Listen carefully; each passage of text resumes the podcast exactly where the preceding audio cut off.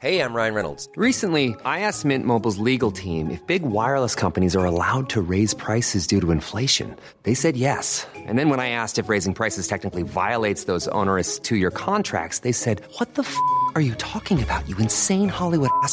F- So to recap, we're cutting the price of Mint Unlimited from $30 a month to just $15 a month. Give it a try at mintmobile.com slash switch. $45 upfront for three months plus taxes and fees. Promo rate for new customers for limited time. Unlimited more than 40 gigabytes per month. Slows. Full terms at mintmobile.com.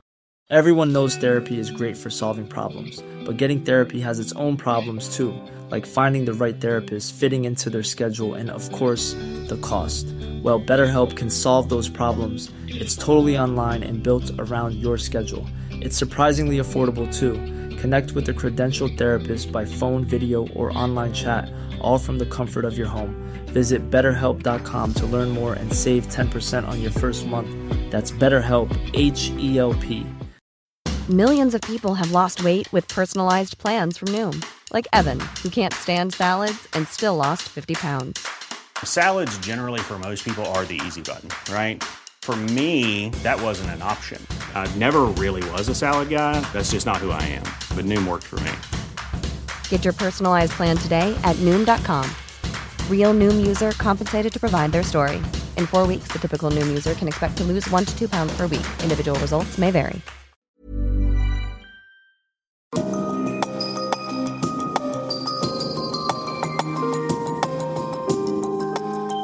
Du lytter til podkast fra Oslo Militære Samfunn.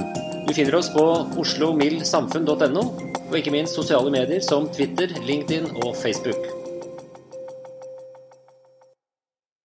generaler, admiraler, gode medlemmer og venner av Oslo Militære Samfunn. Vel overstått påske, og hjertelig velkommen til kveldens foredrag. I dag har jeg glede av å gi ordet videre til min kollega oberstløytnant Bjørn Aksel Sund, som vil lose oss gjennom kveldens neste høydepunkt, selve foredraget. Vær så god, Bjørn Aksel. Ordet er ditt.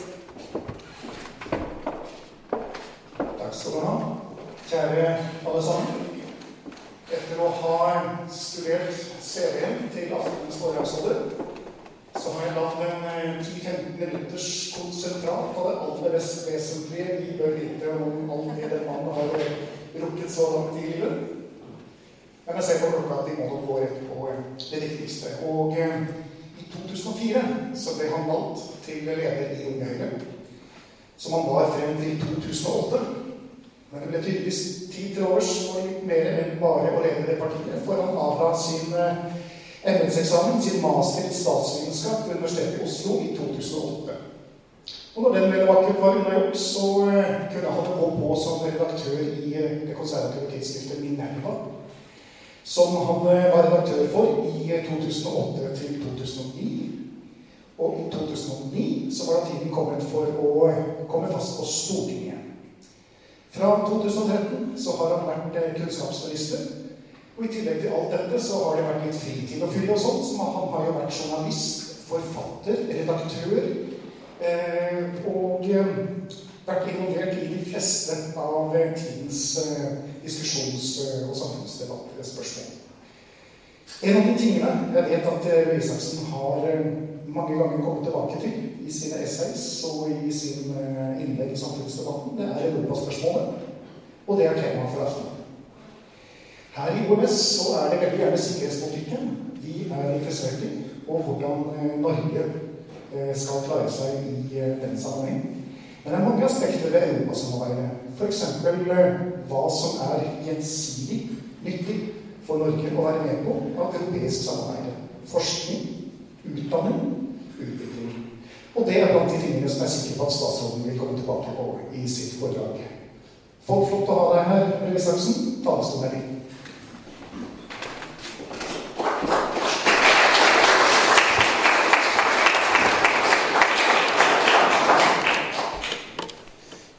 Kjære admiraler, generaler og venner. Eh, tusen takk for en veldig hyggelig eh, introduksjon. Jeg er ganske sikker på at eh, min CV er blant de minst imponerende blant de mange som har stått på denne talerstolen, men det er jo hyggelig å bli skrytt litt opp da, før man skal snakke. Det. Eh, Jan P. Syse han pleier å innlede talene sine med å si at eh, så, her er jeg for å tale til dere. og dere er her for å lytte til meg. Vær overbærende hvis dere blir ferdige før jeg blir ferdig. Det er, eh, det er, et fantastisk sitat av en pressemann og politiker som het Herman Smith Ingebrigtsen, om Norge. Og før jeg sier noe om eh, vårt forhold til Europa og vårt forhold til EU og kunnskapspolitikken og endringene vi står oppe i akkurat nå, så kan det være greit å si noe om oss selv. Hva slags type land og hva slags type folk vi er. Og Herman Smith eh, Ingebrigtsen han sa det slik vi ble boende lengst nord i verden. Mellom oss og isen var der intet. Men vi odlet dette landet, vi dyrket dets jord, og der den tok slutt, pløyet vi opp havet. Og jeg synes Det er en fin påminnelse om at historien om Norge ikke bare er historien om en stat, men også om et folk. Om noen kjennetegn, om noen karakteristikker, om en kultur om en historie. Om alt det som kjennetegner nettopp en nasjon. Noen vil si også at det er et ganske merkelig lite folk som bor her oppe i nord. En liten digresjon, men jeg har en mor som i mange år var lærer på voksenopplæringen i Porsgrunn. Og der skulle hun bl.a. lære eh, nyankomne landsmenn norsk språk og noe om norsk kultur. Og det var en av disse nyankomne ivrige damene som fortalte henne bare noen år etter at hun hadde begynt å jobbe der, at hun hadde hun var veldig ivrig i norskunderopplæringen, men hun hadde også forsøkt å tilta seg noen av disse normene og noe av den kulturen som hun hadde lært om i Norge. Og en av de tingene hun hadde blitt fortalt om, det var at nordmenn var glad i å gå på tur. Men før det så hadde hun hatt en annen erfaring, for hun kom fra et land hvor eh, det var helt naturlig å oppsøke folk. Så hun hadde gått på en av bussene som gikk i Porsgrunn. og Der var det nesten tomt. Det var bussjåføren og det var én passasjer til som satt på tredje bakerste rad. Og hun gikk selvfølgelig rett bort til denne passasjeren og satte seg ved siden av vedkommende forventet at da får vi sikkert en naturlig og god samtale om eh, været og vinden og alt mulig rart. Det førte isteden til akutt åndenød hos denne nordmannen som satt eh, alene på bussen, trykket febrilsk på knappen og gikk av sannsynligvis to-tre stoppesteder for tidlig. Da, noen uker etter, da hun skulle ut på tur, som hun hadde lært, så oppdaget hun at når man var på tur i eh, Jarsengmarka, var det sannsynligvis utenfor Porsgrunn, så dro man opp samtaler om, det mest, eh, om alt mulig vær og vind, sa hei til alle fremmede som den aller mest naturlige ting i verden. En liten anekdote om hvordan vi er som folk. Men uansett hvordan man forteller historien om Norge, så er det noen ting man ikke kommer utenom. Det er et krevende klima. Det er en forholdsvis liten befolkning. Det er høy grad av sosial tillit. Det er utstrakt bruk av naturressurser. Og det er en historie om hardt arbeid. Det er noen som også ser for seg, og dette har kanskje særlig kommet opp i forbindelse med europadiskusjonen i Norge, at Norge også er et land som har vært preget av isolasjon. Det er en av de typer fordommene man hører igjen både fra høyt og lavt i samfunnet, enten man går og snakker med aksjemeglere i Holmenkollåsen eller drosjesjåfør eller hvem det nå skal være, så hører man ofte denne myten om Norge som nisseluelandet, som ikke forholder seg til verden utenfor. Men da kan man jo ikke ha sett på norsk geografi. Norge er jo så å si bare kyst. Vi har innland også, men vi er nesten bare kyst. Og et kystland som Norge har jo ikke noe annet valg enn å forholde seg til omverdenen. Og det har vi jo gjort så lenge folk kan huske fra ja, hva skal man si, det første besøket til Lindisfarne kloster, som startet vikingalderen, via norske handelsflåten og dagens olje- og gasseventyr. Norge har alltid vært et åpent land mot verden. Allikevel så er det jo da dette krevende klimaet, liten befolkning, stor, høy sosial tillit, utstrakt bruk av naturressurser. Det er jo dette som kanskje ga det kulturelle jordsmonnet for det som fortsatt preger veldig mye av samtalen om Norges forhold til Europa, nemlig to ganger nei i folkeavstemning. Først til EF, og siden til EU. Den debatten kan vi la ligge for nå. Det vi vet, det er at disse neiene har selvfølgelig ikke holdt Europa på avstand. Selvfølgelig, For det første, geografisk har vi ikke endret plassering, men verden har kommet nærmere også siden vårt siste nei i 1994. Europa har kommet nærmere, EU har kommet nærmere, og vi deltar jo i nær sagt alle deler av det europeiske samarbeidet, bortsett fra på selve møtene hvor beslutningene fattes. Og nettopp derfor er også det som skjer i EU, helt avgjørende for oss. Den tidligere dissidenten Vaklav Havel, som siden ble president i sitt hjemland, daværende Tsjekkoslovakia, han skal ha sagt det en gang at når jeg flyr over Europa, så ser jeg ingen grenser. Og I mange år så var det den type idealistiske utsagn som nettopp ble den ideologiske inspirasjonen for nedbyggingen av grensene mellom de europeiske landene. For veien mot en stadig tettere union, som det står i EUs grunnleggende dokument. I dag så står vi i en situasjon hvor utviklingen går i stikk motsatt retning. Der grensene før ble bygget ned, så ser vi nå at grenser lukkes og grenseposter bygges opp. Og Dette kommer samtidig som det er flere andre tegn på at den utenrikspolitiske situasjonen er mer tilpasset, tilspisset, sannsynligvis, enn noen gang siden den kalde krigen. Det er flere mennesker på flukt i verden nå enn noen gang siden andre verdenskrig. Over 60 millioner mennesker. På den andre siden av Middelhavet så er Europas nærområder preget av krig og konflikt. I tillegg så ser vi at Russland har blitt eh, et mer uforutsigbart land, hvor viljen til å ta utenrikspolitisk risiko kanskje er større enn før. Og kan det legges til alle de som trodde at eh, Russland egentlig ønsket å utvikle seg til et vestlig, liberalt demokrati etter modell fra slik vi har det, f.eks., tok feil. Det var et flott håp, men det viste seg å ikke stemme. Problemer og uro i andre deler av verden kommer nærmere, og det er ikke bare fordi nettoverskriftene i avisene gjør at vi får nyhetene raskere. Det er fordi på alle områder så er den geografiske avstanden til uroens episenter ikke like viktig som tidligere. Jf. de tragiske hendelsene som har vært nå sist i Brussel. I møte med disse problemene så må det være lov å si at EU sliter. Samarbeidet settes på prøve av migrasjon, av økonomiske problemer. Og det forsterker utfordringer med stor arbeidsledighet og større forskjeller som Europa allerede har diskutert. På toppen av det hele så skal et av EUs mest sentrale medlemsland, Storbritannia, gjennomføre en folkeavstemning om hvorvidt de fortsatt skal være med i EU i det hele tatt. Den orden som har vært med på å bygge Europa, ser skjørere ut i dag enn det vi liker. Så er det mange som sier at jo, men EU har jo tidligere kommet styrket ut av kriser. Ja, Til og med kan man jo si at selve den største krisen i hele Europas historie ga opphav til EU. Og Derfor må vi jo tro at EU skal klare det også denne gangen. Men det er ingen automatikk i det. Men det er grunn til å understreke at det er avgjørende viktig for Norge at EU også denne gangen klarer det. Nettopp fordi, selv om vi ikke er med i EU, så er vi med i Europa. Det som skjer der, får konsekvenser her. Enten det dreier seg om økonomi, politikk eller alle andre samfunnsområder.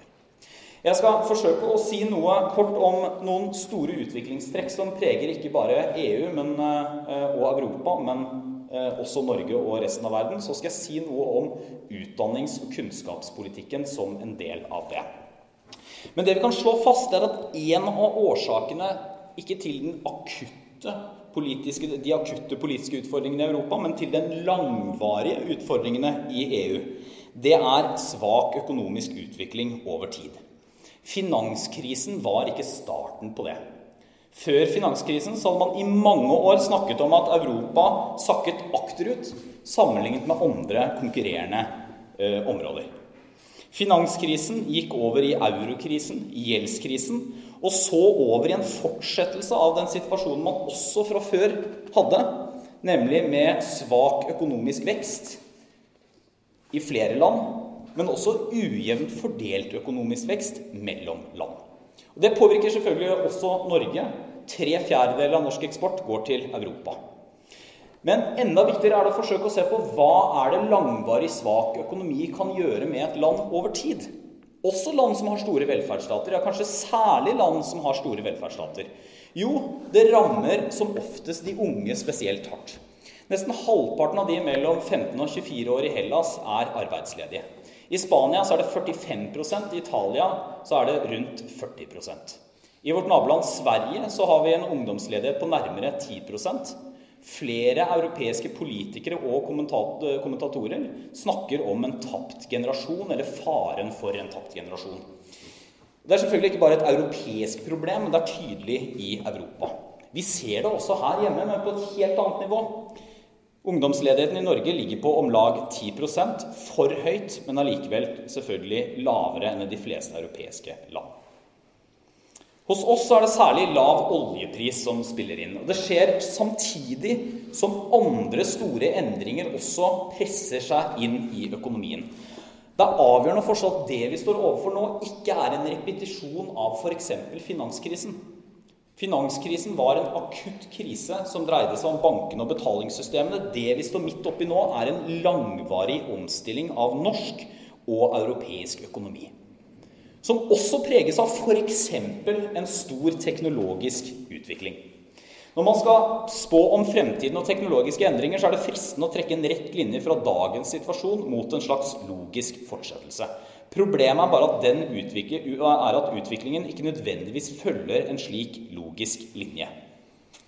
Sist Høyre satt i regjering, fantes ikke smarttelefonen i Norge. Det var ingen som heller hadde forutsett den. For noen år siden så leste jeg en artikkel i Morgenbladet om Gribskov i Danmark. Og Der er det en stor, praktfull skog full av store eiketrær. De trærne ble plantet på bestilling fra den danske marinen. De skulle bli materiale til skip etter at britene stakk av med hele den dansk-norske flåten i 1807 fordi de fryktet at den skulle havne i Napoleons hender. Men eiketrær vokser sakte. Og selv om det selvfølgelig er beundringsverdig at danskene, eller Danmark-Norge, var så forutseende tidlig på 1800-tallet at man tenkte at nå må vi plante for å kunne hogge trærne senere. Så er det altså først de siste årene at trærne i Gribskov er blitt fullvoksne, klare for å bli master, bramstenger og tverrbjelker. Men det begynner å bli en ganske god stund siden marinen bygde krigsskip av tre. Og Dette viser hvilke krefter omstilling har. Og Om det ikke viser hvor raskt ting endrer seg, dette er jo noen år siden, så viser det at endringer ofte er dramatiske. Stål utviklet seg ikke fra tre. Lyspæren utviklet seg ikke fra stearinlyset. Datamaskinen var ikke en videreutvikling av kulerammen. Og dette skjer egentlig hele tiden. Allikevel blir vi fortsatt overrasket. Det er en engelsk forfatter som heter Thomas Hardy, som har sagt at tiden forandrer alt, bortsett fra det i oss som blir like overrasket over forandringer. Omstilling og endring det kan være smertefullt. Det er vanskelig for dem som mister jobben eller blir permittert. Det er vanskelig for dem som ser at gårsdagens trygge arbeidsplass er dagens nedlagte fabrikklokale. Samtidig så er endringer ubønnhørlige. Man kan ikke slippe unna dem. Man kan ikke forsøke å bevare status quo akkurat som det er. Man må forsøke å finne mulighetene som endring og omstilling også gir. Den andre utfordringen jeg har lyst til å fremheve, som er helt sentral i disse dager, det er flyktning- og migrasjonsbølgen. Det kom over én million mennesker til Europa i fjor. Det kommer fortsatt mange, men pga. stengte grenser så kommer få av dem akkurat nå seg videre til Norge. Men hvor lenge det vil vare, det vet vi ikke. Noen har snakket om at dette kanskje ikke bare er en flyktning- og migrasjonsbølge, men starten på en ny folkevandring. Historisk så gikk jo folkevandringen fra nord til sør. Det var våre forfedre som inntok Romerriket. Nå kan det hende vi står overfor en periode med folkevandring fra sør til nord. Av forskjellige årsaker. Krig, nød, etter hvert kan klimakrisen spille en rolle. Men også den grunnleggende menneskelige jakten på et bedre liv.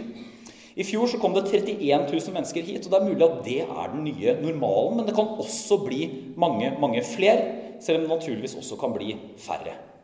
Den kritiske fasen kan ligge foran oss dersom tilstrømmingen fra eh, Midtøsten starter igjen i vår.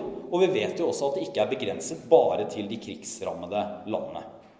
Dette preger både debatten og budsjettene i Europa. Bare tenk på Sverige. 162 000 asylsøkere i fjor. Over 35 000 av disse var enslige mindreårige asylsøkere. Dvs. Si at det kom 35 000 barn og unge til Sverige uten far eller mor. Det er like mange som bor i min hjemkommune Porsgrunn. Det er en mellomstor norsk by bestående utelukkende av ungdommer som ikke kommer med sine foreldre. Sverige har fått over 400 000 asylsøkere i løpet av de siste fem årene.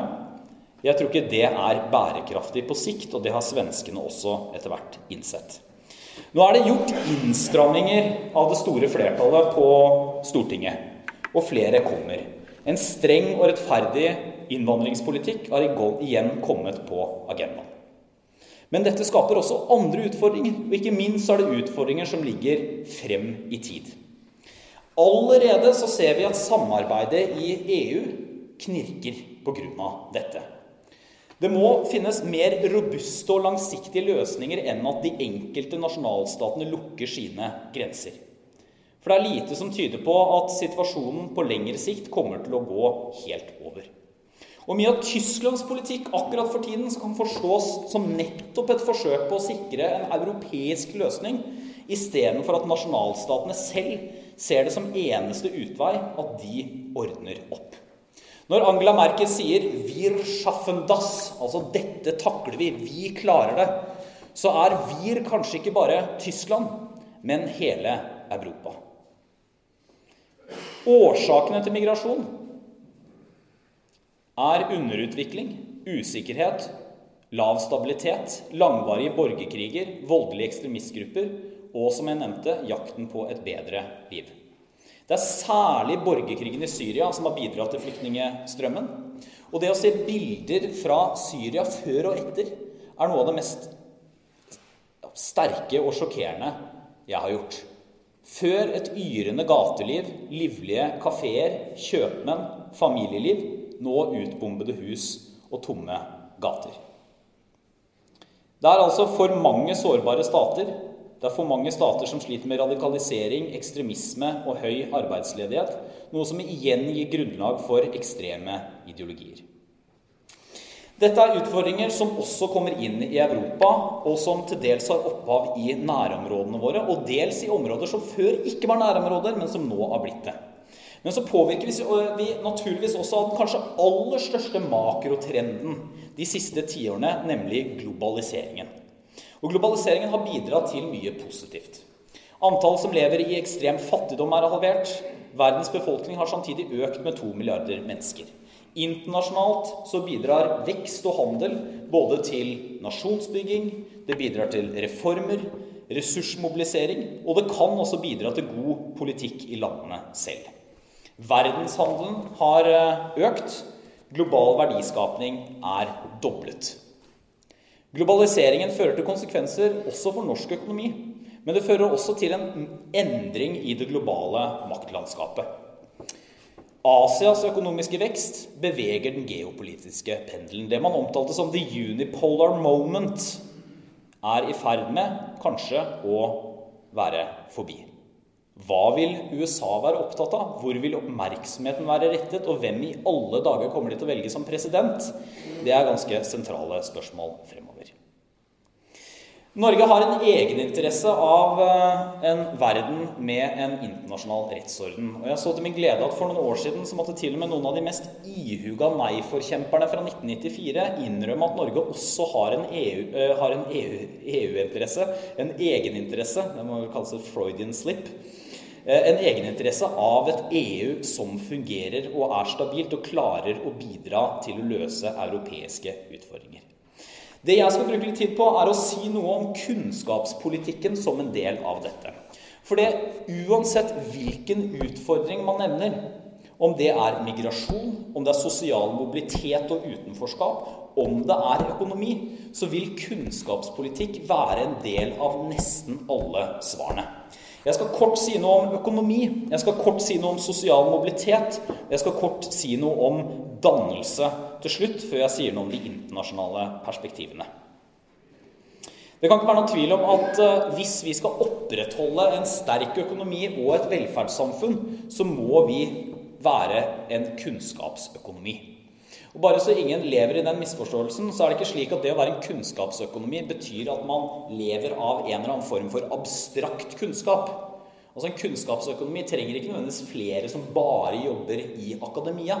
En kunnskapsøkonomi betyr at man tar innovasjon, kunnskap, nye løsninger og baker dem inn. Enten det er i prosesser eller produkter eller annen type innsikt. Det er den kunnskapen allerede i dag som gjør at verftsindustrien i Norge eksempel, på tross av tøffe tider kan konkurrere med land hvor lønningene er en brøkdel så store. Eller at man til og med flytter arbeidsplasser tilbake eller oppdrag tilbake til Norge. Fordi man ser at eh, verft f.eks. i andre deler av verden ikke klarer å levere like gode teknologiske løsninger eller levere på like god tid som norske eh, bedrifter klarer. For å ha en kunnskapsøkonomi så må vi ha i hvert fall tre ting. For det første så må det ligge i bunn en befolkning med et høyt formelt kunnskapsnivå. Det andre kjennetegnet det er en innovasjonsaktivitet. At vi hele tiden blir bedre på å gjøre det vi gjør. At vi bygger smartere, designer smartere, finner på nye smarte produkter og tjenester. Og Den tredje faktoren er at vi er nødt til å ha et betydelig forsknings- og utviklingssamarbeid arbeid, både i offentlig og privat regi. Og disse tingene henger selvfølgelig sammen. Grunnmuren for alt dette er utdanningssystemet vårt. Gode barnehager, skoler, høyskoler, universiteter, forskningsmiljøer. Det må ligge i bunn. Det er veldig mye bra å si om det norske utdanningssystemet. Grunnmuren er sterk, men det er også noen klare utfordringer. La meg ta et eksempel. Over 40% av elevene som hadde eksamen i matematikk i 10. klasse i fjor vår, fikk karakteren 1 eller 2. Det er de laveste karakterene. Det var riktignok mer enn noen gang tidligere i historien, men ikke dramatisk, eh, dramatisk mange flere enn det som har fått det tidligere år. Fra prøvene i lesing i 8. klasse så vet vi at blant norskfødte med innvandrerforeldre, altså født og oppvokst i Norge, så er det 42% som ligger på laveste nivå, mot rundt 25% for resten av befolkningen, altså en systematisk forskjell. Fra siste PISA-undersøkelse så vet vi at omkring 20 eh, av elevene som går ut av norsk skole, har så svake lese- og skriveferdigheter Altså de leser så dårlig og skriver så dårlig at de vil ha problemer med å f.eks. For forstå innholdet i en vanlig dagsavis eller skrive en jobbsøknad. Det kan være fristende av og til å tenke at det er behagelig å ikke forstå innholdet i alle dagsavisene. Da men det er selvfølgelig en stor tragedie. Disse skoleresultatene forplanter seg videre. 30% av alle som starter på videregående skole, har ikke fullført innen fem år. Og da har vi ikke engang begynt å snakke om de som er godt utrustet i utgangspunktet, kanskje ekstra flinke. Vi ser også at Norge har færre som presterer godt, f.eks. innenfor realfag. Realfagene som er så avgjørende for både klimakrisen og innovasjon. Så har vi færre som presterer virkelig godt enn nesten alle andre land vi liker å sammenligne oss med. I høyere utdanning så ser vi også at det foregår utrolig mye bra. Men at ressursene spres for tynt, og at det er for få virkelig gode fagmiljøer. Vi har eh, under denne regjeringen kommet opp på 1% av BNP brukt på forskning. Nå må vi være enda mer opptatt av hvordan vi får god nok kvalitet igjen. Og så må vi huske på at noe av kjernen ved forskning og høyere utdanning er at det er langsiktige aktiviteter som krever at politikken også er langsiktig og forutsigbar. Satsingen på skole, utdanning, forskning det skal bidra til at vi har en sterk økonomi, men også bidra til at eh, Norge kan være et velferdssamfunn. Men jeg må innrømme at hjertet mitt ligger kanskje et litt annet sted. Nemlig på alt det andre som skolen også bidrar til. Hvis man leser norsk skolehistorie, så vil man se at ideen om den norske skolen den har alltid vært veldig intimt knyttet sammen med ideen om hva Norge skal være. Norge er et egalitært land. Et av opphavene til det, mener forskere, er også at norske bønder, lenge før bønder i veldig mange europeiske land, kunne nettopp lese og skrive. Det la grunnlaget for en egalitær kultur med likeverd. Den norske skoledrømmen den har vært at alle, uansett hvem foreldrene dine er, hvor mange bøker du har i bokhyllen, så skal du få en opplæring som gir like muligheter. I dag så vet vi at den norske skolen ikke i realiteten bidrar til det for veldig mange. Hvis foreldrene dine har høyere utdanning, så er det nesten dobbelt så stor sjanse for at du gjennomfører videregående skole, som hvis foreldrene dine ikke har høyere utdanning. Altså sosial mobilitet og utdanning er intimt knyttet sammen. Vi har en forskjellsskole på veldig mange måter. Forskjeller på, eh, innad på den enkelte skole, forskjeller mellom skoler, forskjeller mellom kommuner. Og så kommer koblingen til de store samfunnsutfordringene. Hvis vi allerede i dag har utfordringer med skolen vår, altså ikke for å svartmale, men allerede i dag utfordringer med skolen, hva skjer da når 31 000 asylsøkere, hvorav nesten en tredjedel er barn, kommer hit? Hvorav mange kommer fra familier som slett ikke har hatt lang formell utdannelse. Det vi vet, er at nesten ingen, et mikroskopisk antall, har lært seg noe av språket når de kommer. Noen av dem er også så unge at de får, nei, så, såpass eh, gamle barn at de kommer ikke på skolen fra første dag, men må starte midt i skoleløpet. Dette er en formidabel utfordring, ikke bare for skolesystemet, men for hele samfunnet. Vi vet at hvis vi ikke klarer å gi disse barna en utdanning, så får det konsekvenser. Eh, vi fikk beregnet bare et anslag kostnadsmessig, ikke fordi det er det mest avgjørende, men fordi det gir en illustrasjon. Og Forskerne forsøkte bare med utgangspunkt i de som kom i fjor, og som sannsynligvis vil få opphold i Norge, å beregne hvor mye vil det koste oss forskjellen på å gi disse barna eh, en god utdannelse som gjør at alle er godt rustet til å kunne delta fullt ut i norsk samfunnsliv, og å ikke gjøre det. Forskjellen på hva vi kunne fått til, og hva vi får, hva vi får hvis vi svikter, er på 27 milliarder kroner. Og da er det ikke beløpet som er avgjørende, det er hva det illustrerer i tapte muligheter. Og eventuelt også sosiale problemer, for det er en forskjell på om du har flerkulturell eller norsk-norsk bakgrunn. Nettopp fordi at du ikke nødvendigvis har den samme tilhørigheten. Du møter andre problemstillinger som dreier seg om både rasisme og diskriminering, men også to kulturelle identiteter, som gjør at faren ved å falle ut blir større. Det tredje elementet det er at skolen også bidrar til å sikre demokratiet vårt. Og det er kanskje ekstra viktig nettopp i en tid med store endringer. Et demokrati det er noe mer enn bare en tilfeldig samling individer med et juridisk rammeverk rundt. Et demokrati trenger også det danskene kaller for sammenhengskraft. Og Det har kanskje vært et av problemene til EU. At EU har eh, ikke klart å bygge opp en europeisk identitet til erstatning for den nasjonale kan man si at det alltid var en fåfengt drøm, og jeg vil kanskje være blant dem som vil hevde det. Men allikevel så sier det noe om verdien også av at eh, demokratiet ikke bare er formelt, men at man også føler, føler en tilhørighet til de felles institusjonene. Og skolen har alltid hatt et dobbelt oppdrag. Både utdannelse og dannelse, og de to henger sammen. Det innebærer at skolen både skal lære elevene å eh, lese, skrive, regne, musikk, de skal lære kunst, de skal lære håndverk og de skal lære kroppsøving. Men skal også lære elevene hvordan man blir en god samfunnsborger. Det skal lære elevene om demokrati, respekt for andre, religioner, men også verdien av kritiske spørsmål. Dannelse er altså noe mer enn det en kamerat av meg har på veggen. Eh, en plakat fra Østre Toten skolestyre fra begynnelsen av 1900-tallet, hvor det henger regler for hvordan barn bør oppføre seg både hjemme og på skolen, og hvor paragraf 3 lyder 'Tilstå straks dersom du har feilet'. Høflighet koster intet, men utretter meget. Skrem ikke småfuglene. Skolens dannelsesoppdrag henger i aller høyeste grad også sammen med demokratiet vårt. Så er det en internasjonal dimensjon også i alt dette.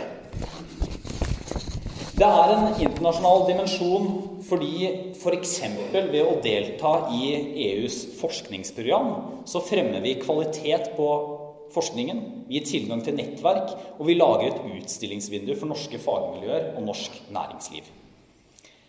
Ved at vi deltar i visjonen om at Europa og EU skal være et sammenhengende forskningsområde, hvor forskere, kunnskap og teknologi beveger seg fritt over landegrensene, så deltar vi også i oppbyggingen av Europa, og oppbyggingen av et Europa som kan løse felles problemer. Gjennom en ordning som Erasmus pluss som rett og slett er en utvekslingsordning, så sender vi altså studenter på kryss og tvers i Europa For at de skal lære seg språk, lære seg andre kulturer, kulturer få forståelse og innsikt i andre levesett enn vårt eget. Hva er det om ikke også investering i et felles Europa, og i siste instans økt forståelse, men også et fredsprosjekt? Sammen med EU så jobber vi også med felles satsinger innen f.eks. yrkesfag og livslang læring. Igjen bidrar dette til internasjonal innsikt og forståelse. Jeg tror det aller mest avgjørende allikevel ved det internasjonale samarbeidet innenfor Europa og innenfor EU er noe annet. Nemlig at man bygger opp institusjoner, samarbeid og forståelse som gjør oss bedre i stand til å håndtere kriser og utfordringer når de kommer. Det vi må huske på, det er selvfølgelig at endring som sådan ikke er noe nytt. Endringens filosof Heraklitt han sa, eller skrev rettere sagt en gang, at eh, man stiger aldri ned i den samme elven to ganger. Det er verken den samme mannen eller den samme elven. Endring er jo ikke noe nytt. Men tempoet i endringene er raskere enn tidligere. Økonomiske endringer, endringer i velferdssamfunnet vårt, endringer i privatlivet og hvordan vi forholder oss til hverandre, sosiale endringer i samfunnet hvor vi blir et mer mangfoldig samfunn på godt og vondt, teknologiske endringer, legg da til sikkerhetspolitiske endringer og migrasjon, så står vi overfor formidable utfordringer. Norges største universitet har mottoet 'Kunnskap for en bedre verden'. Det syns jeg er kanskje det flotteste mottoet til noen utdanningsinstitusjon i hele verden. Og Det det mottoet sier noe om, det er at kunnskap for å fungere må være internasjonalt i utsyn. Det kan ikke engang være begrenset av Europas grenser. Det er å bidra til innsikt, kunnskap for å løse samfunnsutfordringer for Norge, men også for resten av verden. Da vil jeg avslutte med å igjen sitere Jan P. Syse. Takk for at dere ikke ble ferdig med å lytte før jeg ble ferdig med å tale. Takk for oppmerksomheten.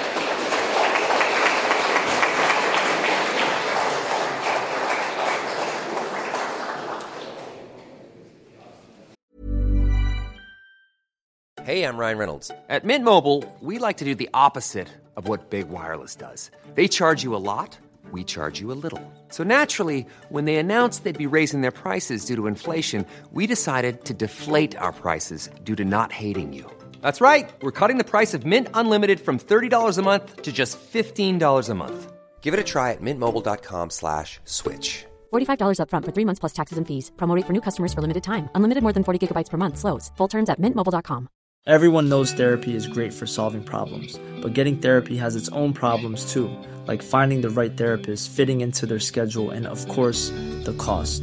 Well, BetterHelp can solve those problems. It's totally online and built around your schedule. It's surprisingly affordable too. Connect with a credentialed therapist by phone, video, or online chat, all from the comfort of your home. Visit betterhelp.com to learn more and save 10% on your first month.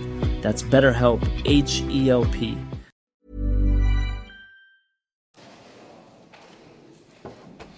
Da takker vi så langt til statsråden, og vi går rett løs på spørsmålsrunden. Jeg tror vi tar minst to spørsmål om gangen, kanskje tre, som statsråden får svare på i vårt Så førstemann, vær så god.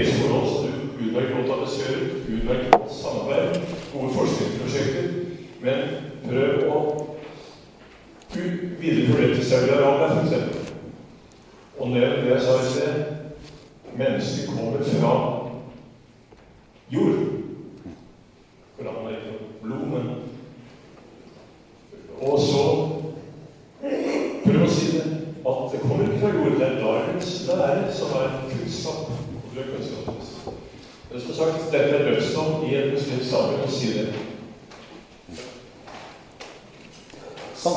Ja, jeg kan svare litt uh, underveis. Ja. Um, ja, i hvert fall tre, tre, korte poenger. For det første så uh, er det alltid viktig å altså, ikke generalisere betydningen. Det islamske samfunnet er alt fra Indonesia til Saudi-Arabia.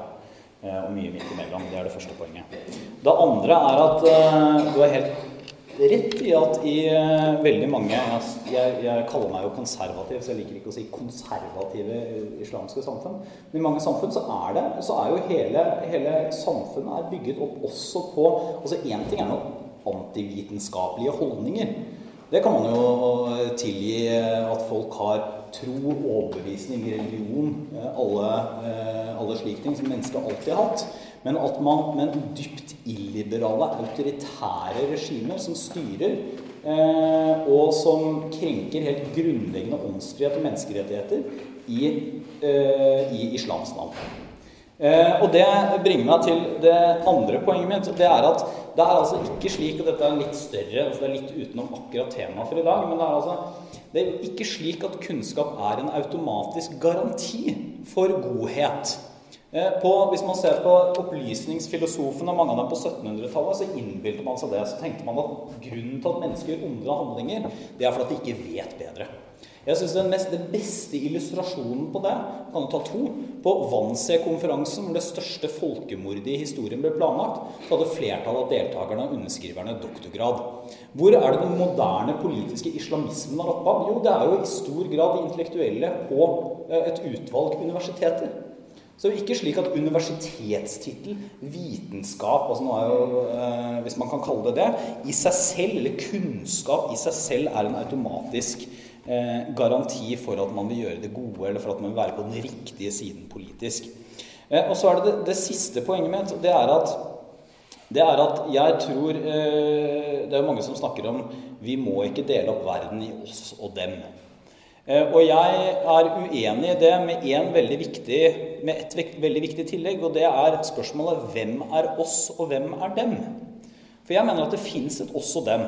Men det er ikke basert på eh, etnisitet, hudfarge, kulturell opprinnelse eller hvilken gud man tilber. Basert på et veldig enkelt skille.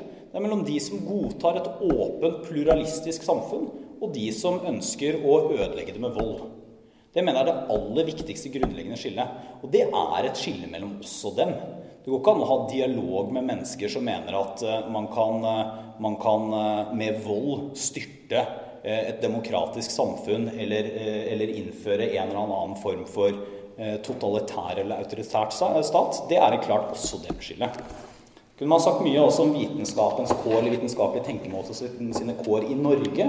Bare nevne helt til slutt at det er jo ikke det er, en, det er en, helt annen diskusjon. Det er ingen i Norge som, eh, som, som blir truet for å, for å komme med vitenskapelig tenkemåte. Men det er jo heller ikke alltid slik at, eh, at det er god, solid forståelse for at vitenskapen Vitenskapen sitter jo ikke på alle fasitsvarene, men det er en bestemt metode for å finne svar. En metode som gjør at man har en sjanse til å etterprøve det på en helt annen måte enn hvis man bare synser, tror eller mener. Den forståelsen er jo ikke alltid man ser i, i egne land, uten sammenligning med f.eks. Saudi-Arabia eh, for øvrig. Selv om det er interessant da for øvrig at når Saudi-Arabia og mange av disse Gulf-landene skal forsøke å omstille seg, for de har jo ofte veldig skattkjørte økonomier også, så er jo det å investere massivt i kunnskap, vitenskap. så gjenstår det å se om land med, så, eh, med, med autoritære styresett reelt sett kan frembringe en vitenskapelig kultur som gir den dynamikken og innovasjonen som de trenger. Jeg har vel mine tvil altså på lengre sikt om det er mulig.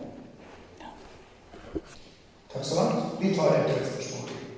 Vi har allerede et spørsmål her. Hvis det er eh, deg, så er det nummer tre, og så er det fire her. Bare et spørsmål tilbake. Mitt navn er Per Solhjell. Eh, du ser at jeg er dobbelt så gammel som statsråden. Jeg har da levd en del år, både før krigen, under krigen og etter krigen. Jeg først vil takke statsråden for eh, foredraget. Meget eh, interessant foredrag i perspektiv. Jeg er litt engstelig for parallellsamfunn. Og uh, nå tenker jeg også da på kunnskapsparallellsamfunn. Vi kan uh, raskt bli enige om at skole og kunnskap er kanskje det bærende i samfunnet. Men hvis ikke vi klarer, som statsråden var inne på, å utdanne våre nye landsmenn så får vi kunnskapsparalleller samfunn. Jeg kan ikke si at alt var så meget bedre før statsråden, men mye var bedre. Det bringer meg over til en liten anekdote hvor det satt to eldre damer Ikke noe galt om eldre damer, selvfølgelig, men to eldre damer hvor han drev sammen med Olga. Hvis ikke vi kan dobbelt, dobbelt, dott så, så, så, kan vi bare pakke sammen. Da har vi også et eh, parallellsamfunn mellom dere unge og de som har nærmest dataskrekk. Eh, la meg legge til at jeg venter eh, stor interesse på da eh, oppgjøret for pensjonistene eh, som kommer. Eh, om da 075 blir fjernet. Men det var en, det var en digresjon. Det var en digresjon. Liker statsråden pizza? Nei, det kan jeg ikke spørre om. Det jeg vil spørre om, det er pizza. Kan du si litt, utdype det litt mer? Og hva bruker vi det til? Og hva er det da eh, eh rettighetene for skolene og, og, eh, å unndra elever fra prøven? Takk. Takk. Jeg skal, jeg skal, forsøke å svare litt kortere enn jeg gjorde første omgang, sånn flere, så flere som har kommentarer. Men eh, jeg tror de aller fleste der Det kan hende. For det første vil jeg takke for at dere sier du sa 'dere unge'. Det setter jeg stor pris på. Begynner å nærme meg 40, så det varmer veldig å få høre Jeg ser jo her at her er mange mindre unge enn det jeg er. Um, men eh, jeg, tror også, jeg tror også mye var bedre før. Eh, og jeg, har, jeg, tror alle mennesker til en viss grad er nostalgiske. Det er en grunn til at de fleste mennesker også Man behøver ikke være politisk konservativ, men de fleste mennesker er til en viss grad konservative. Det er en grunn til at vi setter pris på at jul er relativt lik fra år til år. Eller at det er noen ritualer og tradisjoner som, eh, som vi alle skal gjennom, som vi kan kjenne igjen fra vi selv var små, til våre barn skal gjennom det, f.eks. Men det som er den fatale feilslutningen, det er jo dermed å tenke at det er mulig å beholde alt som det var før. Eh, og akkurat nå, bare for å ta et eksempel, ta den teknologiske utviklingen og skille mellom de som er på og de som er av. Der er nok skille, Det er mulig det er et skille mellom oss, eh, men det er også et stort skille mellom eh, de som er 20 år yngre enn meg, og meg selv. De vokser opp med dette. Jeg har en datter på halvannet år. Hun sitter allerede sånn. Mange av barna og barnebarna deres gjør det helt sikkert også. Hun kommer til å vokse opp i den teknologiske hverdagen. Og Det er klart, det er ikke mulig å melde seg ut av det. Eh, det er bare mulig å gi barna verktøyene til å, til å, håndtere det. Og så er det verdt å huske på også at det at ting forandrer seg, betyr heller ikke at alt endrer seg. Det er noen som har tatt til orde for f.eks. at i dag, jo, i dag, er jo, all informasjon i verden tilgjengelig gjennom noe tastetrykk. Det betyr jo at barna behøver ikke å kunne noe konkret lenger, for du kan bare slå det opp. Men for å bruke mitt favoritteksempel, så har det jo noe å si hvis du ikke kan noe om den andre verdenskrig, om å gå inn på nettet, om du havner på en nynazistisk, revisjonistisk side, eller om du får reell informasjon om hva som skjedde. Det er ganske viktig. eh, faktisk, altså Kunnskapsbehovet blir ikke borte. Så er det allerede i dag et kunnskapsskille mellom det man kan kalle norsk-norske og nordmenn som har foreldre eller selv er født i et annet land. Eh, men det er store forskjeller der. Hvis man ser på, sånn, man ser på eh, Oslo f.eks., så ser man også at f.eks. norsk-pakistanske jenter tar høyere utdannelse, lengre utdannelse, i større grad enn majoritetsnordmenn gjør. Og jeg vil også si at Oslo er, Oslo er den byen i Norge som har størst utfordringer med dette. Men er også en av de byene som mest systematisk over flere år har klart å løfte skolesystemet opp det er fortsatt store utfordringer i skolesystemet i Oslo. Og jeg mener at det er problematisk på mange måter hvis man har for ensrettede skoler, altså type 70-80% minoritetsandel f.eks. Men i den store sammenhengen så har Oslo fått til utrolig mye bra på skolesiden. Eh, også for å utjevne forskjellene mellom de som er ja, basert på hvilket land man kommer fra. Og så er det denne pizzatesten, eller PISA-testen. Den er lagt opp sånn, den er ikke for alle elever i Norge, den er for et utvalg av elever. Og hensikten med den er å kunne si noe meningsfylt om hva norske elever lærer på noen utvalgte områder, sammenlignet med elevene i andre land. Det, det, er veldig mye den ikke viser. Det betyr at det er veldig mye den ikke kan si noe om. Men den kan si noe om på den prøven, basert på de ferdighetene som legges til grunn, hva er det norske elever kan sammenlignet med. Og det man ser er noen sånn overordnede trekk. For det første så viser ikke PISA noe helt annet enn det vi ser på karakterene som norske lærere gir elevene sine. F.eks. vi ligger eh, svakt an, går nedover matematikk og naturfag. Tilsvarende resultat ser man i karaktersettingen, eksamensresultater i den norske skolen også. Bekrefter det vi allerede vet. Andre tingen er Asia rett opp asiatiske landene konsekvent ligger nær toppen.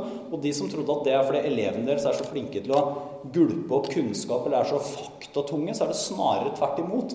Der norske elever faller av, er på mer kompliserte, f.eks. matematikk, mer kompliserte oppgaver, hvor du ikke bare kan pugge deg til et svar, men må bruke matematikkferdighetene dine, verktøyene dine, for å løse det. Så det er uh, i høyeste grad interessant uh, lesing. Det var, det var overhodet ikke kortere enn i stad. Beklager. det var så mange gode spørsmål. Det er enda flere på lista apropos migrasjoner og teknologi og. Jeg er så glad og stolt fordi at man har funnet ond og ofte hver gang på mikrofonen her. Så da er jeg stolt. Tone, neste. Mitt navn er Tone Takk for et meget interessant foredrag med mange fine vinklinger og sammenhenger. Det er alltid interessant å lytte til. det. Jeg er helt enig med deg i utdannelse og forskning og innovasjon er helt vesentlige for øh, byggingen av fremtidens samfunn. Men i betraktning av innværende militære samfunn så vil jeg tillate meg å stille deg spørsmål øh, vedrørende den sikkerhetspolitiske situasjonen som jo har blitt skjerpet det siste års tid, både fra øst og fra sør. Relasjonene mellom Nato og EU er et emne som jeg syns er svært interessant. Eh, og i forbindelse med attentatene i Paris eh, den 13. november i fjor, eh, så så vi jo at president François Hollande påberopte seg artikkel 2.7 i Lisboa-traktaten og ikke Natos artikkel 5.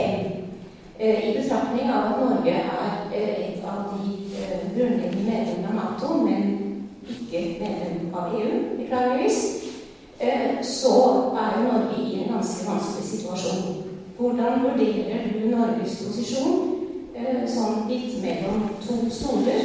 Og i betraktning av at også USA den senere tid har gitt uttrykk for eh, at man kunne ønske ikke bare at EU bidrar mer til budsjettet, men at man i visse tilfeller henvender seg til EU og ikke til Nato. Takk.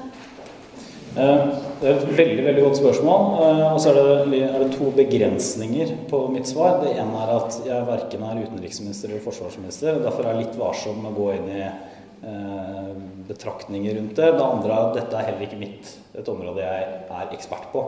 Eh, det vil si at jeg har ingen spesielle forutsetninger for å si noe om sikkerhetspolitiske utviklingen i Norge og EU og Nato sett i sammenheng de siste ti årene f.eks. Eh, så jeg tror jeg rett og slett må nøye meg med, med, en nesten litt, litt, banal kommentar. og det er at Det er, det er nok ikke noe tvil om at til det siste du sa, at, at USA hadde et klart og tydelig ønske om at EU også skulle kunne bli et virkemiddel for at Europa skulle ta, kunne ta større ansvar for sin egen sikkerhet. Eh, det er nok heller ikke noe tvil om at EU har blitt en viktigere sikkerhetspolitisk aktør eh, enn tidligere, selv om det også selvfølgelig er hele tiden diskusjoner om EU reelt sett utenrikspolitisk er i stand til å samle seg og tale med én felles røst. Eh, men, men bortsett fra det så tør ikke jeg å bevege meg inn på en analyse av det, selv om det er et veldig godt spørsmål. Så du burde valgt forsknings- og innovasjonspolitikken for å få svar. Da har jeg fire ting på listen. Og det betyr at hvis det er én ting som virkelig brenner inne på, så skal du prøve å knekke det inn. Men jeg er fristet til å sette steg snart. Det var det neste. Tørrhold, Irén, og så er du siste enn så lenge. Takk skal du ha. Kristian Lund. Sist jeg sjekket innenfor høyskole og videregående utdanning, så fikk vi styrkeresultat etter dem som gikk ut med et, et eller annet vitnemål.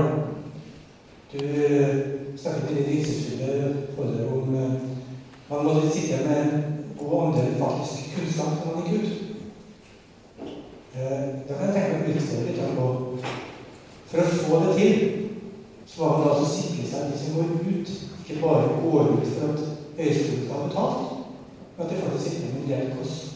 Altså en samfunnseffekt, en en form for kunnskap. Vurderer ditt departement i regjeringen finansieringsordningen av høyskoleuniversiteter for å oppnå noe av det du Eller kanskje noe mer av det du ønsker i forhold til dagens situasjon. Og man kan sende folk ut med minste stoppkarakter, altså én egentlig stryk. Takk. Ja, eh, altså, eh, vi, ja vi, nå legger vi om finansieringsordningen. En av grunnene til det er at finansieringsordningen har, har i veldig stor grad belønt det å få studiepoeng, og ikke nødvendigvis kvaliteten på det man oppnår.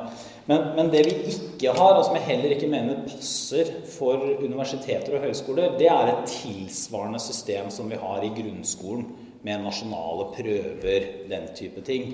Eh, og Det er fordi at høyere akademisk virksomhet har en annen natur. altså Institusjonene er også mer autonome og skal være det enn det eh, f.eks. en grunnskole eller videregående skole er eh, i, ja, til kommunen og fylkeskommunen. Men det er altså Vi har noen verktøyer for det, bl.a. noe som heter nasjonale deleksamener. Men men den, den, aller viktigste verktøyet vi har for å hva skal man si, sjekke eller kontrollere standarden i på, på, i akademiske institusjoner, det er jo det akademiske miljøet selv. Det er eh, internasjonale ekspertgrupper som kommer og ser på sine fagmiljøer eh, i andre land. Det er fagfellevurderinger. Det er å se på hvor mye publiserer du, men ikke minst hvor mye brukes det det publiseres.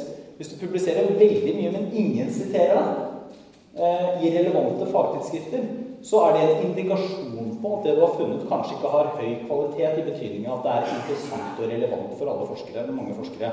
Hvis du publiserer mye og er mye sitert, så er det en indikasjon på, ikke noen garanti, men indikasjon på at du publiserer noe som er relevant og interessant. Så den type akademisk, kontinuerlig akademisk feedback, som er i kjernen og hjertet av den akademiske prosessen, det mener jeg også er den aller viktigste eh, delen for å vurdere kvaliteten på tilbud som gis. Men for å legge til, for å forsøke å gjøre det kort, så har det også vært slik at vi har nok vært litt for opptatt av bare forskningssiden på høyere utdanning. Og vært litt for lite opptatt av undervisningen og hva studentene sitter igjen med. Og når det er slik på en del studier i Norge at du kan studere 28-27 timer i uka f.eks. og få en helt anstendig karakter igjen, så sier jo det noe om hvilke forventninger du har til studentene som går der. Ålreit karakter, middels eh, arbeidsinnsats, det borger ikke i utgangspunktet godt for kvaliteten på, på studietilbudet. Vi får passe til en siste mann helt slutt bak, men tør å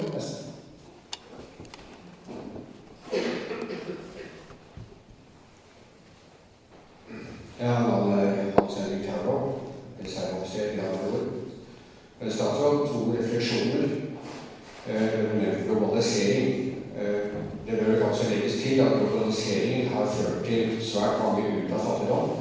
Men det blir større ulikheter innimellom landene, spesielt når det fordeles for fordeling av rikdom. En annen sak er at eh, man har løftet nå svært mange ut av fattigdom ved å øke satsen fra 1,25 dollar per innbygger til nesten 2 dollar i forrige uke. Så nevnte statsråden dette med drop-out fra skolen, både etniske norske og arbeidsløsheten rundt i Europa. Jeg tror man må innse at en hel del mennesker er ikke kvalifisert for akademisk arbeid. Hva skal vi da gjøre når svært mange jobber forsvinner pga. teknologi, som roboter osv.? Og vi bør kanskje tenke oss litt om for samfunnsansvar når man ser at man bygger altså da en liten veistol i Danmark. Koster 3-4 millioner for én buss der går frem og tilbake der føles. Og det siste spørsmål eller refleksjon til er jo kanskje folk har fortsatt lyst til å kjøre bil, ikke sitte bare bak der. Men tilbake til denne gruppen. Economist lanserte for allerede to år siden for at disse menneskene som da kanskje ikke får en jobb i fremtiden, de har ikke de kvalifikasjonene. Bør vi gi dem en form for borgerlønn, slik at de føler at de er med i samfunnet? Har statsråden noen refleksjoner over en slik situasjon? Takk. Ja. Eh, tusen takk. Veldig gode spørsmål. Og det er jo egentlig spørsmål som inviterer til nesten nye foredrag, men jeg skal forsøke å være veldig, veldig kort. Eh, ikke veldig, veldig kort, men jeg skal forsøke å være passende kort. Eh, det er helt riktig at globalisering har ført til mindre forskjeller mellom land og større ulikhet i en del land. Eh, det gir seg også fremvoksende økonomier, men kanskje særlig i en del i-land. Og det skyldes jo rett og slett at globalisering fører også til et press på en del kanskje særlig tradisjonelle det man før kalte arbeiderklasseyrker, men som vi nå ser også brer om seg i f.eks. servicenæringen. Sånn banksektoren i Norge er også et veldig godt eksempel. Full omstilling. Men hva skal man gjøre med de som ikke er kvalifisert for akademisk arbeid? Altså første, for det første, Gud forby hvis vi skal bli en nasjon av folk som bare utfører akademisk arbeid. Altså, det er ikke mitt poeng. Det er ikke flere, altså, det er ikke flere i akademikeryrker vi trenger. Men vi trenger, og for å si det veldig økonomisk, altså må jo, hvis du skal klare deg i så må du flyttes opp i verdikjeden. En god illustrasjon er i Hydro, eller Herøya i Porsgrunn, hvor jeg kom fra. Da var det sånn, for det er ikke så mange tiår siden, du kunne komme, knakke på døra, og så kunne du få deg en jobb rett fra, rett fra skolen. Eh, hvis du var helt håpløs, så dro du til sjøs. Porsgrunn var sjøfartsby også. Hvem er det som jobber der i dag? Det er Enten har du fagbrev, eller så har du veldig lang erfaring, altså du har jobba der i 30 år, så, og det er stadig flere med høyere utdanning, ingeniørgrad, til og med doktorgrader også. Eh, og vi er helt avhengig av altså, Grunnen til at norsk industri fortsatt står og lever i et høyt høykostland som Norge, delvis kraftpriser, men også fordi vi har klart å rykke oppover, altså omstille oss. Mer kompetanse, mer kunnskap. Men hva med de som ikke har en sjanse til å gjøre noe med det?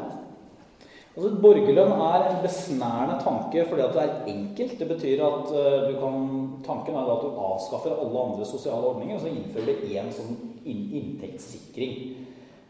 Grunnen til at jeg er grunnleggende mot det likevel, er for at jeg mener det bryter med det aller mest grunnleggende for, et, grunnleggende velferdssamfunn, nemlig at eh, koblingen mellom ytelse og nytelse.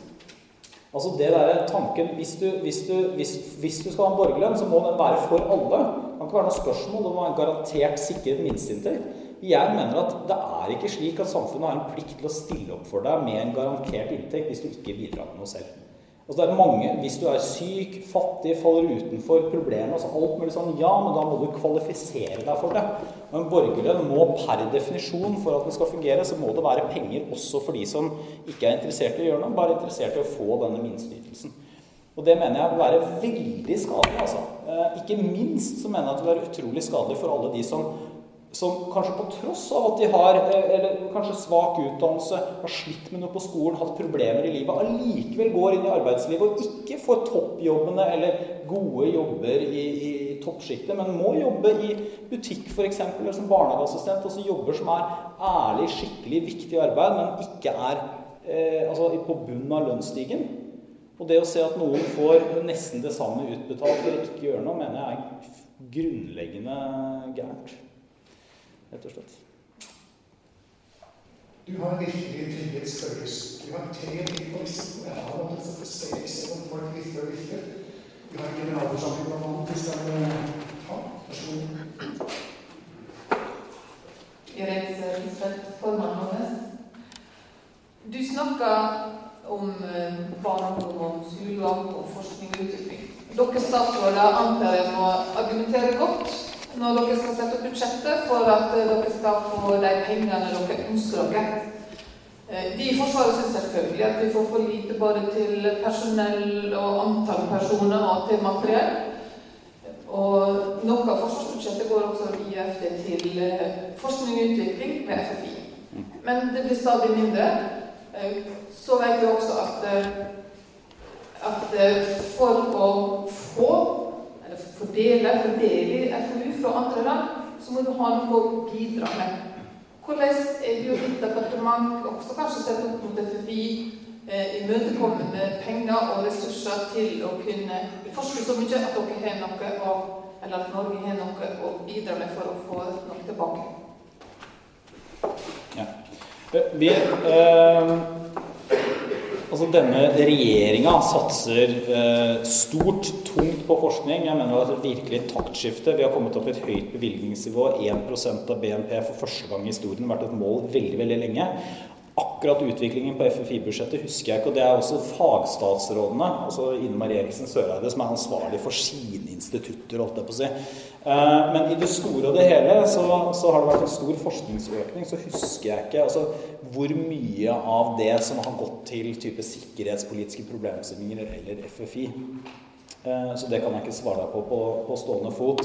Eh, Men så kommer mitt poeng nummer to, og det er vi har, eh, Hvis man føler at man har fått for lite penger nå, og det er gode argumenter for å, for å si det om Forsvaret, eh, altså i en 20-årsperiode egentlig, eh, så har allikevel Norge de siste tiårene vært gjennom kanskje det som blir sånn som en gullperiode. Norske politikere har følt at de har måttet prioritere, har ikke i realiteten gjort det. De neste 10-20 årene kommer til å bli helt annerledes. Vi må som samfunn forberede oss på tiden hvor vi kunne si vi har et problem, det blir mer penger til alle, og så har vi løst det. Den er forbi. Det blir mye tøffere prioriteringer, og det skyldes en kombinasjon av befolkning, som altså av flere uh, eldre i befolkningen, uh, olje altså, Inntektene fra, fra pensjonsfondet kommer til å bli mindre. Mer av utgiftene er bundet opp. Hvis du i tillegg har en større, høy innvandring over tid, med mange som skal integreres, så vil det gjøre det enda vanskeligere.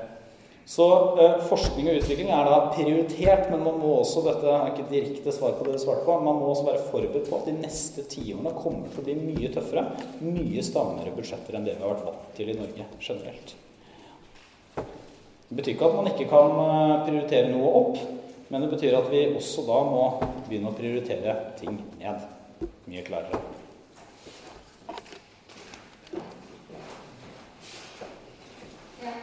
Patrice Flakstad heter jeg, og vi er inne på temaet.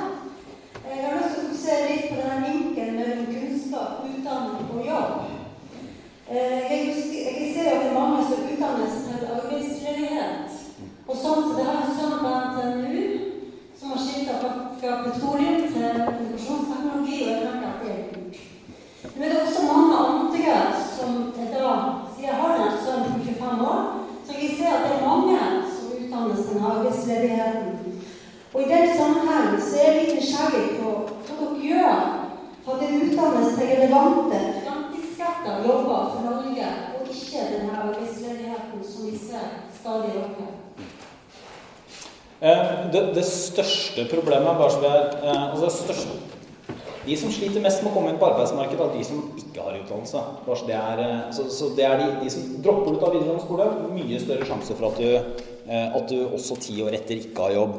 Selv om det skal også være sagt at veldig mange av de som dropper ut, går inn i arbeidslivet og gjør det veldig bra. Bare sånn at det ikke er eh, noen tvil om det. Eh, også, eh, Og så er det sånn at vi, eh, altså vi, Vårt system er og burde også være lagt opp slik at vi ikke sitter og forsøker å finstyre eller detaljregulere universitetene på hvordan de tilpasser seg arbeidsmarkedets behov. Det vi sier er at de skal ha, skal ha en rekke ting vi setter opp sånn, skal ha kontakt med arbeidsmarkedet, næringsliv, eh, offentlig sektor som trenger arbeidskraft. De er liksom pliktige å få inn signalene, men vi sitter ikke og detaljstyrer hvordan de skal legge opp studiene sine, eller hvordan de skal dimensjonere også hvor mange tar vi inn på det studiet kontra noe annet. Eh, og Det betyr at det, det, man må gjøre nå altså Vi kommer fortsatt til å ha behov for petroleumsingeniører, men det flere av universitetene allerede gjør nå, er å se ok, nå, nå, kan det hende at vi eller vi er ganske sikre på at det vil bli Det kommer ikke tilbake til den sysselsettingen i olje og gass som det var på for et år siden. Da må vi kanskje justere litt innholdet i petroleumsingeniør f.eks., sånn at det også blir mer relevant for andre bransjer. Og Jeg tror at den type justeringer er lettere å få til eh, uten at vi sitter fra toppen og forsøker å detaljstyre. Det er best hvis institusjonene, universiteter og høyskoler gjør det selv.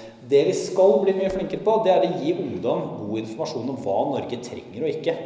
Og Jeg pleier ofte å si til folk at hvis du har lyst til å bli filmskaper som nummer én og ingeniør som nummer to, eh, så ta en skikkelig hard eh, tenkerunde på hva som er mest realistisk at du blir så kan det hende du skal velge ingeniør, da, så kan du heller drive med film på fritiden. Eh, og det har jo vært et problem i Norge at litt for mange har tenkt at høyere utdannelse er noe vi gjør kun av lyst. Veldig bra hvis du er engasjert. Det aller beste er at du har lyst til å bli det du utdanner deg som også. Men du må tenke litt på hva du kan få jobb som også. Selvfølgelig. Eh, Der er det f.eks. Eh, jobber vi med en database som sier tydeligere hva skal Altså frem, fremtidige arbeidskraftbehov, den type ting. som er hjertelig Tusen takk for at du får tid til å komme og holde foredrag for oss. Helt eh, annerledes foredrag. Veldig spennende å høre på det du har si. Jeg ønsker deg lykke til videre i ditt arbeid i ditt departement. Stor.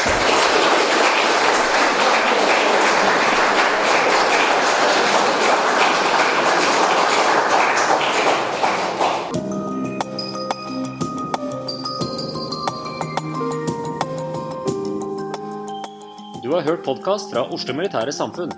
Besøk vår hjemmeside oslomildsamfunn.no, og besøk oss gjerne på sosiale medier som Facebook, Twitter og LinkedIn.